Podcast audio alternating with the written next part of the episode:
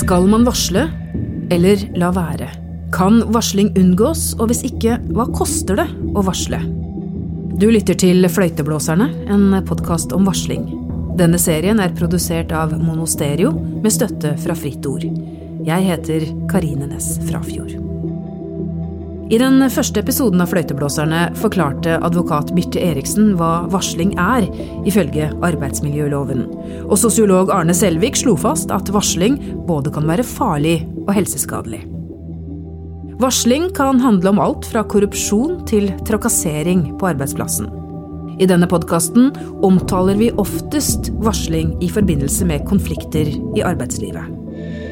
Men hvordan kan en situasjon eskalere så langt at det blir en varslingssak? Hva har ytringsklima og arbeidsmiljø å si? Og hvordan kan god og bevisst ledelse bidra til at konflikter ikke ender i varsling? I denne episoden snakker vi med psykologspesialist Cecilie Thorsen, som jobber som organisasjons- og arbeidspsykolog i Bergen. Hun vet hva varsling koster, både for den som varsler, og den det varsles på. Jeg jobbet klinisk med folk som ble syke, eh, og som søkte seg til behandling i spesialisthelsetjenesten fordi de var berørt av varslingssaker på en eller annen måte. da. Mm. Folk som ble syke av det som en kan kalle eh, psykososiale eh, belastninger i arbeidsmiljøet. Og Det kan være konflikter og mobbing og trakassering, eller det de oppfattet som dårlig ledelse, eller etter hvert mange varslingssaker. Cecilie Thorsen var tilknyttet Jobbfast i Bergen. En poliklinikk på Haukeland sykehus for psykososiale belastninger i arbeidslivet. De utredet og behandlet mennesker med redusert helse som følge av konflikter, mobbing, seksuell trakassering eller varsling i arbeidslivet. Målet var at pasientene skulle få bedre helse og fungere godt i arbeidslivet. Men tilbudet ble lagt ned. Der fikk vi inn folk fra hele landet. Og det var folk som var berørt av psykososiale belastninger på jobb. Det var eh, konflikter som de opplevde var blitt håndtert veldig dårlig, og som gjerne kanskje hadde eskalert. Som kunne ende med en varslingssak. Det var folk som opplevde at de ble mobbet på jobb. Eh, hvis vi skal snakke om varsling, så var det mange som hadde varslet. Og så var det folk som hadde blitt omvarslet. Eh, og der kom eh, Folk i alle aldre, kvinner og menn. Eh, eh, og i ulike roller. Noen var ledere, noen var ansatte, noen var tillitsvalgte. Noen var verneombud. Eh, ja. Kort fortalt. Men det, det, dette tilbudet det tydeliggjør jo egentlig veldig godt hvor vanskelig varsling er. Ja. For mennesker på begge sider. Ja, det gjør det. Hva tenkte mm. du om at du både fikk en varslere og omvarslede? Det er jo utrolig interessant. For de som kom til oss, de fortalte jo bare sin eh, side av historien. Vi jobbet ikke Dette var jo behandling. Og hvis du skal gi folk god hjelp, kan du si, eller det var en kombinasjon av utredning og behandling i spesialisthelsetjenesten, sant? da måtte du ha henvisning for å komme dit.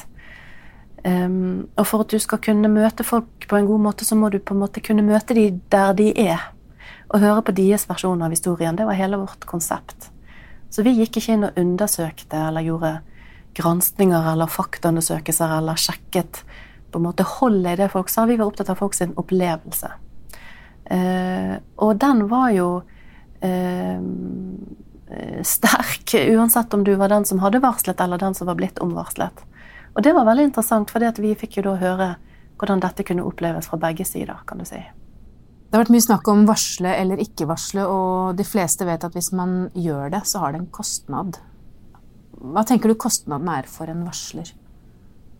Da har jeg lyst til å svare på mange nivå, egentlig. Fordi eh, hvis du tenker rent sånn symptommessig, så så vi at de varslingssakene For det første så vil jeg si at det er ikke alle som varsler som blir syke av det. Det er vel sånn ca. 30% viser det seg blir syke av det. Men det er jo de sakene som blir dårlig håndtert. Det er jo da det får store omkostninger. Eh, at de blir dårlig tatt imot, dårlig undersøkt eller dårlig håndtert på en eller annen måte. Eller at man blir utsatt for gjengjeldelse, sant, som er forbudt som, fra loven sin side. da. Men hvis en ser på symptomene, så er det symptomer eh, som er sånn klassiske mm, symptomer på depresjon. eh, angstlidelser, eh, muskel- og skjelettplager. Veldig mange som har fortalt om veldig omfattende søvnproblemer, f.eks. Um, uh, og man så symptomer som minner om PTSD, altså posttraumatisk stressyndrom. Uh, og så det er det jo store diskusjoner i fagmiljøet om dette her egentlig kvalifiserer for den type diagnose, fordi at det mangler et sånt typisk A-kriterie, uh, som betyr at det skal være fare for liv og helse. da. Så det, det, det, det diskuteres eh, mye om det gjør det eller ikke, men, men, for de som har jobbet mye med det her, så uh, tenker vi at uh, symptomene er veldig tilsvarende. Um, og det innebærer jo veldig mye uh, tankekjør. Du spiller episoder av ting som har blitt sagt og gjort om igjen og om igjen. Man blir i en veldig sånn beredskapstilstand. Det er mange som beskriver at de blir veldig i beredskap for om folk vil de vel, om ledere virker og fungerer, om systemene virker. Um, og på litt overordnet nivå så er det mange som beskriver at de mister tillit til at systemene virker som de skal, eller om folk vil de vel, egentlig. En sånn grunnleggende mistillit til, til um, mange rundt seg, faktisk. Og da er vi litt sånn på andre nivå. Sant? For én ting er symptomene. Symptomene er jo et uttrykk for det du ser. Mens hva er det som gjør at en får sånne symptomer? Det syns jeg egentlig er mer interessant. Hva er det som settes i spill, og hva er det, vi, hva er det dette berører i oss som gjør at en kan bli syk av det, da? Og det jeg syns gikk igjen, eh, og som veldig mange forteller om, det er det å oppleve at du blir veldig i beredskap, at du mister litt den sunne naiviteten som de fleste av oss er født med, til hva folk vil med deg, om de vil deg vel, og hvordan verden virker, på en måte. Det er, det er Da er du på en måte frarøvet noe av måten du er i verden på. Hvis ikke du har tillit til folk rundt deg, sant, eller systemene. Eh, noen opplever jo at det rister i grunnvollene fordi de får eh, hele identiteten sin satt i spill. Hvis du står i fare for å falle ut av det yrket du har, fordi du eh, ikke får være i jobben din, eh, ikke får utøve det yrket du har utdannet til. Vi knytter jo en stor del av vår identitet sant, til, til, de vi er på jobb. Og identiteten vår den formes hele livet. Vi slutter aldri på en måte å utvikle oss og, og bygge identiteten vår. Og måten vi har det på jobb, og den vi er på jobb, den er en stor del av vår identitet. Så hvis du er i ferd med å falle ut av jobben din, eller ikke kan utøve yrket ditt, så gjør det veldig mye med ja, grunnlaget for hvordan du er i verden, rett og slett. Mm. Og ikke minst er det mange som har kjent på eh, skremmende krefter som er i sving, og da er vi inne på det sosiologi, som vi snakket litt om i sted. Man kjenner på en veldig avmakt føler seg maktesløs mot eh, systemet eller en arbeidsgiver som har mye større makt. Du er jo gjerne i en ubalanse i maktposisjon hvis du er en ansatt som varsler, så er jo det per definisjon. Der en arbeidsgiver kan ha råd til uh, advokater, til å sette i gang store systemer i et rettsapparat. Um, der du føler deg liten, da, som en sånn Eh, David mot Goliat, egentlig. Og den avmakten det er en forferdelig følelse å føle på. Rett og slett. Ja. Det høres ikke veldig fristende ut å varsle. Nei, det kan du si. Og da er vi inne på det store paradokset. Eh, at for noen varslere, ikke alle, og ikke de fleste, det må jeg bare gjenta eh, For de fleste varslere så går det jo bra. Og så er det sånn at for de, for de som får det vanskelig, så er det enorme omkostninger. Men vi trenger jo de. Jeg tenker samfunnet trenger folk som sier fra eh, om dårlig ledelse, om økonomisk mislighold, eh, om eh, saker som ikke blir etterforsket godt nok. Monica-saken er et godt eksempel på det. En morder hadde gått fri hvis ikke en politimann hadde meldt fra om det han mente var dårlig etterforskning. sant? Eh, der fins jo mange eksempler på varslingssaker der, der, man har fått ryddet opp i ting som er av allmenn interesse. Sant? At det blir ryddet opp i. At det gjøres god etterforskning, at det ryddes opp i økonomisk mislighold. Så samfunnet trenger varslere. Har du opplevd mye misbruk av varsling? Ja, det syns jeg er viktig at du spør om, fordi det snakker ikke vi så veldig mye om. at noen misbruker varslingsinstituttet. Og varslingsinstituttet er jo lovverket. Eh, og at noen eh, varsler om noe som det egentlig ikke er hold i, kan man si. Da, sant? Eller som egentlig ikke er et korrekt varsel. Eh, der er eksempler på Vi hadde saker inne der, der det viste seg ved nærmere undersøkelser at det varselet En arbeidstaker f.eks. har fått en beskjed om at leder er misfornøyd med jobben man gjør. Og så varsler man på lederen om at lederen trakasserer, f.eks. Mens dette er helt innenfor en arbeidsgivers styringsrett. Og her er mye juss inni det her òg. Hva arbeidsgiver egentlig plikter å skulle gjøre i jobben sin, og hva en arbeidsgiver har styringsrett i forhold til. Eh, og det hadde vi eksempler på eh, der jeg jobbet, og det ser jeg jo av og til nå òg, at det dessverre skjer. Det er ikke de fleste sakene, men, men jeg tenker jo at for en arbeidsgiver så er det ekstremt viktig å statuere eksempel på at det eh, gjør man ikke. For det ødelegger for alle de andre viktige og riktige eh, varslingssakene. Og man tenker, Det er ofte det striden står om. sant? Er det sant, eller er det ikke sant? Eh, er det noen som har oppfattet noe sånn, eller stemmer ikke det? Er det noen som føler seg krenket, eller er det innafor eller utenfor? Så i de sakene der det skjer, så, så, er det egentlig veldig alvorlig, og det bør man ta veldig alvorlig òg. Uh, ja, jeg skal ikke si slå ned på, men det må ryddes opp i på en skikkelig måte. Og da tenker du at det er bevisst, og ikke ubevisst fordi man er usikker på hva begrepet faktisk innebærer? Jeg tenker at i noen tilfeller så er det kanskje ubevisst, mens eh, der er vel tilfeller jeg òg har hørt om og sett der det er på en måte man spiller spillet. Så bruker man de midlene man har for å egentlig ta noen. Det er jo ofte spill, sant? Det kan bli, være maktspill, rett og slett. Eller der noen er krenket og føler seg så urettmessig krenket at man varsler om trakassering. Mens sånn, etter juridisk forstand så er det ikke det. Du var litt inne på dette med, med forebygging. Ja. Fordi det har jo enorme omkostninger, eh, en varslersak. Hvordan kan man forebygge på um, individnivå? På individnivå henger jo sammen med en organisasjonskultur og et arbeidsmiljø, f.eks. Jeg tror vi må begynne litt der, fordi du, du forebygger jo masse på individnivå med å bygge f.eks. psykologisk trygghet på en arbeidsplass som handler om at eh, der er takhøyde for ulike meninger. Eh, at man kan si fra om feil hvis man har gjort noen feil. Eh, at en tåler forskjellighet, og at det er rom for å ta opp ting. Hvis en klarer å bygge et sånt arbeidsmiljø og en sånn kultur på en arbeidsplass, så vil jo det gjøre veldig mye på individnivå. Sant? Det vil jo gjøre noe med de som jobber der. God konflikthåndtering er jo essensielt. Det burde være øverst på alle lederen sin lederskole å bli god på konflikthåndtering, for det er ofte veldig mye det det står på. Kan det påvirke altså, Eller kan det hindre eh, at varslingssaker utvikler seg? Ja, det tenker jeg det kan. At man er lydør for at folk eh, tar opp ting, eh, at man tåler uenighet. Og det høres veldig lett ut. I praksis er det jo ikke det. For det at man kan føle seg eh, krenket hvis noen mener noe annet. Eh, man kan eh, føle veldig behov for å forsvare seg hvis noen utfordrer en måte du har gjort jobben din på. Eh, vi blir mye mer truet av uenighet enn det vi egentlig liker å innrømme. Rett og slett. Både på, både på ting som handler om saker, men òg ting som går litt sånn på hvem vi er.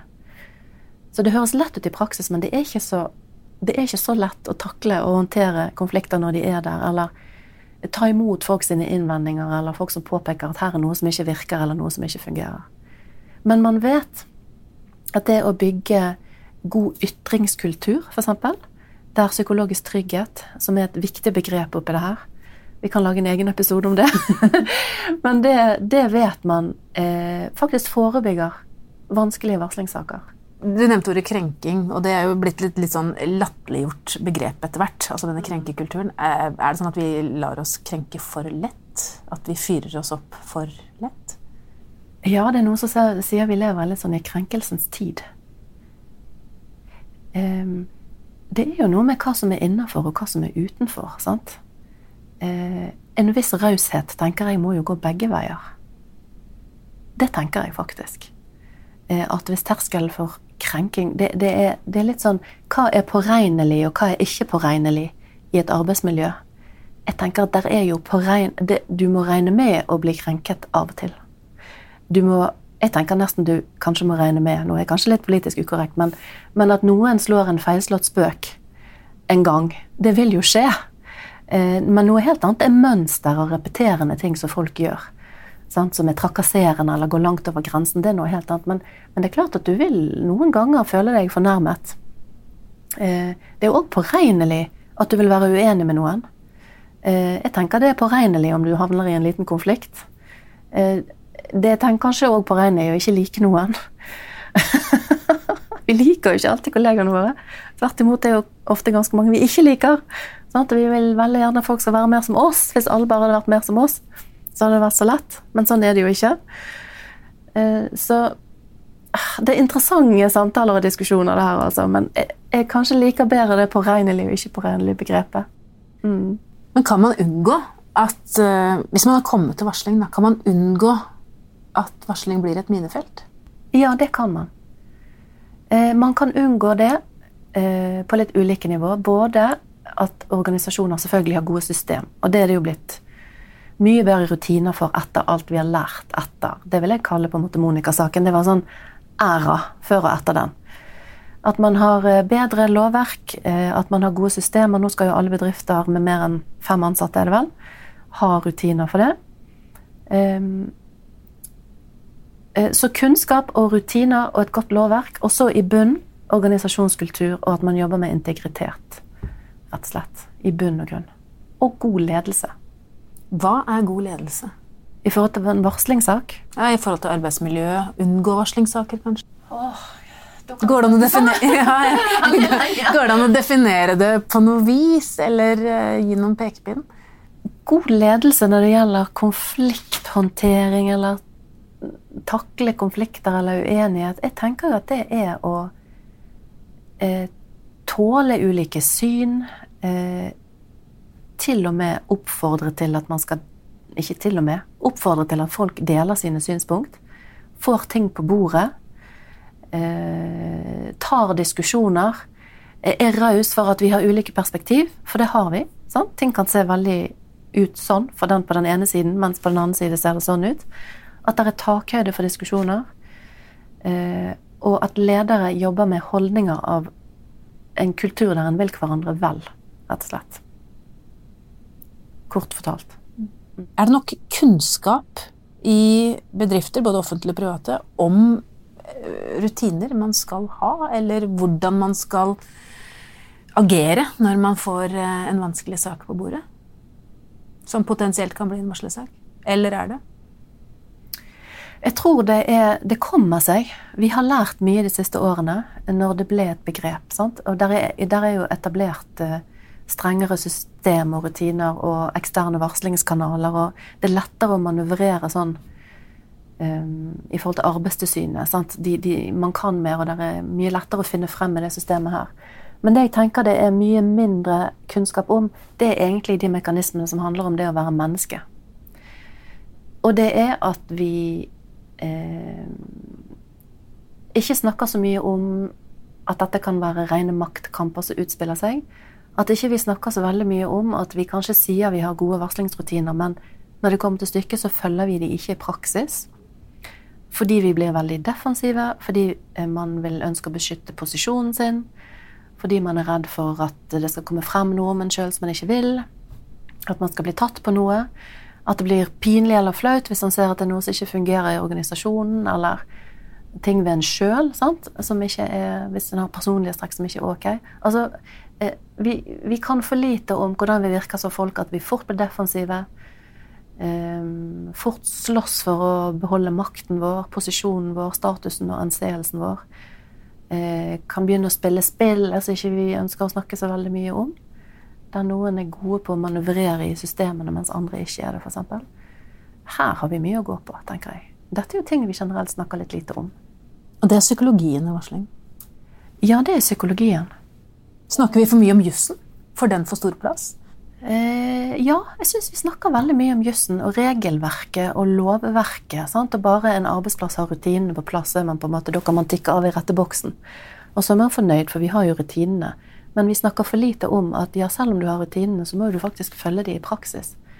En sånn type 'practice the preach' eller 'walk the talk'. Sånn vi, kan si, vi, kan si, at ja, vi har jo konflikthåndteringsrutiner, eller vi har varslingsrutiner, men når du plutselig står der og skal håndtere en sak, så begynner det å skje helt andre ting. Det ser vi mange eksempler på.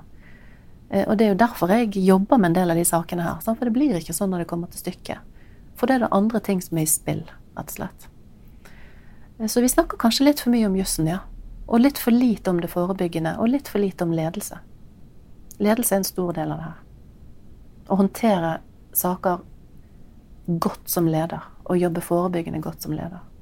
Ledere som har eh, emosjonell intelligens, tenker jeg har et fortrinn i alle mulige slags sammenhenger, rett og slett. Mm. Og ikke minst ledere som har det man kaller mentaliseringsevner.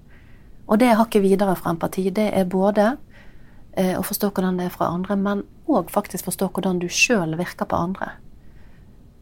Det, vi, det, er egentlig sånn grunnleggende sosial kompetanse som vi alle trenger for, man, for å manøvrere i relasjoner og det sosiale systemet vårt. Men, men ledere som er gode på mentaliseringsevner, de kan òg forstå at de kan virke på andre.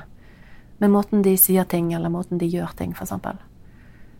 Eh, og det, det er Når det er mye følelser i spill, så jo mer følelsene stiger, jo mer svikter den mentaliseringsevnen. Dessverre, når vi trenger den som mest, så svikter den gjerne litt. Du kan kanskje tenke deg når du krangler med noen sjøl, eller du er veldig sint eller redd eller defensiv eller føler deg truet.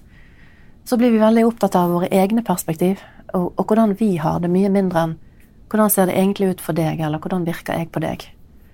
Så det, hjernen vår lurer oss litt her, og det snakker ikke vi så mye om. Hjernen vår er ikke alltid med på laget eh, i forhold til å være rasjonell og, og, saklig og ryddig.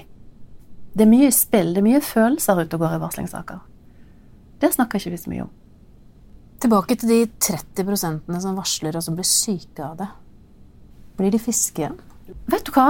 Eh, noen kommer seg igjen, og noen sier de aldri blir de samme. Rett og slett. Og det er internasjonal forskning som sier det. At veldig mange av de som har vært, fått det veldig vanskelig i varslingssaker, halvparten av de, sier internasjonal forskning, de søker faktisk hjelp eh, i behandlingsapparatet. Eh, og noen av de sier at de blir aldri seg sjøl igjen, dessverre. Eh, det tenker jeg har noe med alvoret i sakene eh, hvor ille det har gått med deg. Sant? Om du faller ut av arbeidslivet. Hvis du faller ut av arbeidslivet og ikke lenger har en jobb, det er jo klart at det er det vil jo være ødeleggende for hele livsgrunnlaget ditt. Sant? Å gjøre noe med måten du ser på deg og har det. Hele måten å, å organisere deg i livet ditt. Mm. Men jeg vil jo si eh, at det er viktig å søke hjelp. Og det så vi gjennomgående hos de som var på jobb fast. At de som kom til oss, uansett om det var varslingssaker eller andre typer krevende ting på jobb de sto i, da, de som søkte støtte, de gikk det veldig mye bedre med enn de som ikke gjorde det. Og det å søke støtte, det kan jo være en venn, eller det kan være en kollega, eller, eller behandling for den del, men det at ikke du blir stående alene med ting og skulle håndtere ting um, på egen hånd, og tro at dette her er noe Det er jo litt sånn skambelagt. Uh, og, altså Noen vil jo skamme seg. Noen vil jo være redd for å si at 'jeg har varslet', eller 'jeg er en varsler'. For hvem er det? Ja, Hvem er det? Er det bråkebøttene, eller hvem er det? Det er bra du spør om, for det er jo det ikke. Og det er ofte det vi tenker. Ja, her er det. Dette sånn typisk kverulant, eller er en bråkebøtte? Det all forskning viser, er at det er ikke de. Det er eh, de som er litt ekstra engasjert i jobben sin. De som gjerne brenner for noe. Eh, de har gjerne litt uformell maktposisjon, faktisk. Eh, og de er godt likt. Altså, de er sosiale og utadvendte. Eh, kanskje har de en sånn posisjon at de faktisk tør. Det er ikke kranglefantene, det er ikke de introverte. Det er ikke bråkebøttene som vanligvis er varslerne. Og da er vi over til noe interessant. Hvem er det som blir syke av det her? Du spurte meg om det med krenkelse. sant? Er det de med lav terskel, eller er det liksom de lett sårbare, eller hvem er det? De som blir syke av varslingssaker, det er eh, de som ikke har erfart å ha mye problemer før. Ikke gjerne de som har vært utsatt for mobbing før, men det er faktisk de, noen av de sterkeste av oss som forteller at dette her tar helt innersvingen på dem. Og det kan man spekulere mye i. Hva er grunnen til det? Men det er ikke sånn at du må være en eh, som i utgangspunktet har problemer for at du skal rammes av dette. Eh, at dette kan ramme de mest robuste av oss. Takk til psykologspesialist Cecilie Thorsen. I de neste episodene av Fløyteblåserne skal du få høre historiene til to varslere og én som ble varslet på. Jeg, vet jeg gjorde det rette. Jeg ville ikke gjort noe annerledes. Men, jeg, men kostnaden er for høy. Jeg følte meg som liksom sladrehank skal skjøle bank. Jeg følte meg jo veldig skamfull, egentlig, eh, for at dette skjedde meg. Eh, altså, jeg, had, jeg tenkte jeg tenkte da om meg sjøl at uh, det at det kommer en varsling, er et bevis på at en dimensjon i mitt lederskap ikke har lykkes. Du har hørt Fløyteblåserne, en podkast om varsling. En serie i ti deler, produsert av Monosterio med støtte fra Fritt Ord. Lyddesign er ved Frode Ytterarne. Konsulenter er Kine Smith Larsen og Torgeir Waterhouse. Jeg heter Karine Næss Frafjord.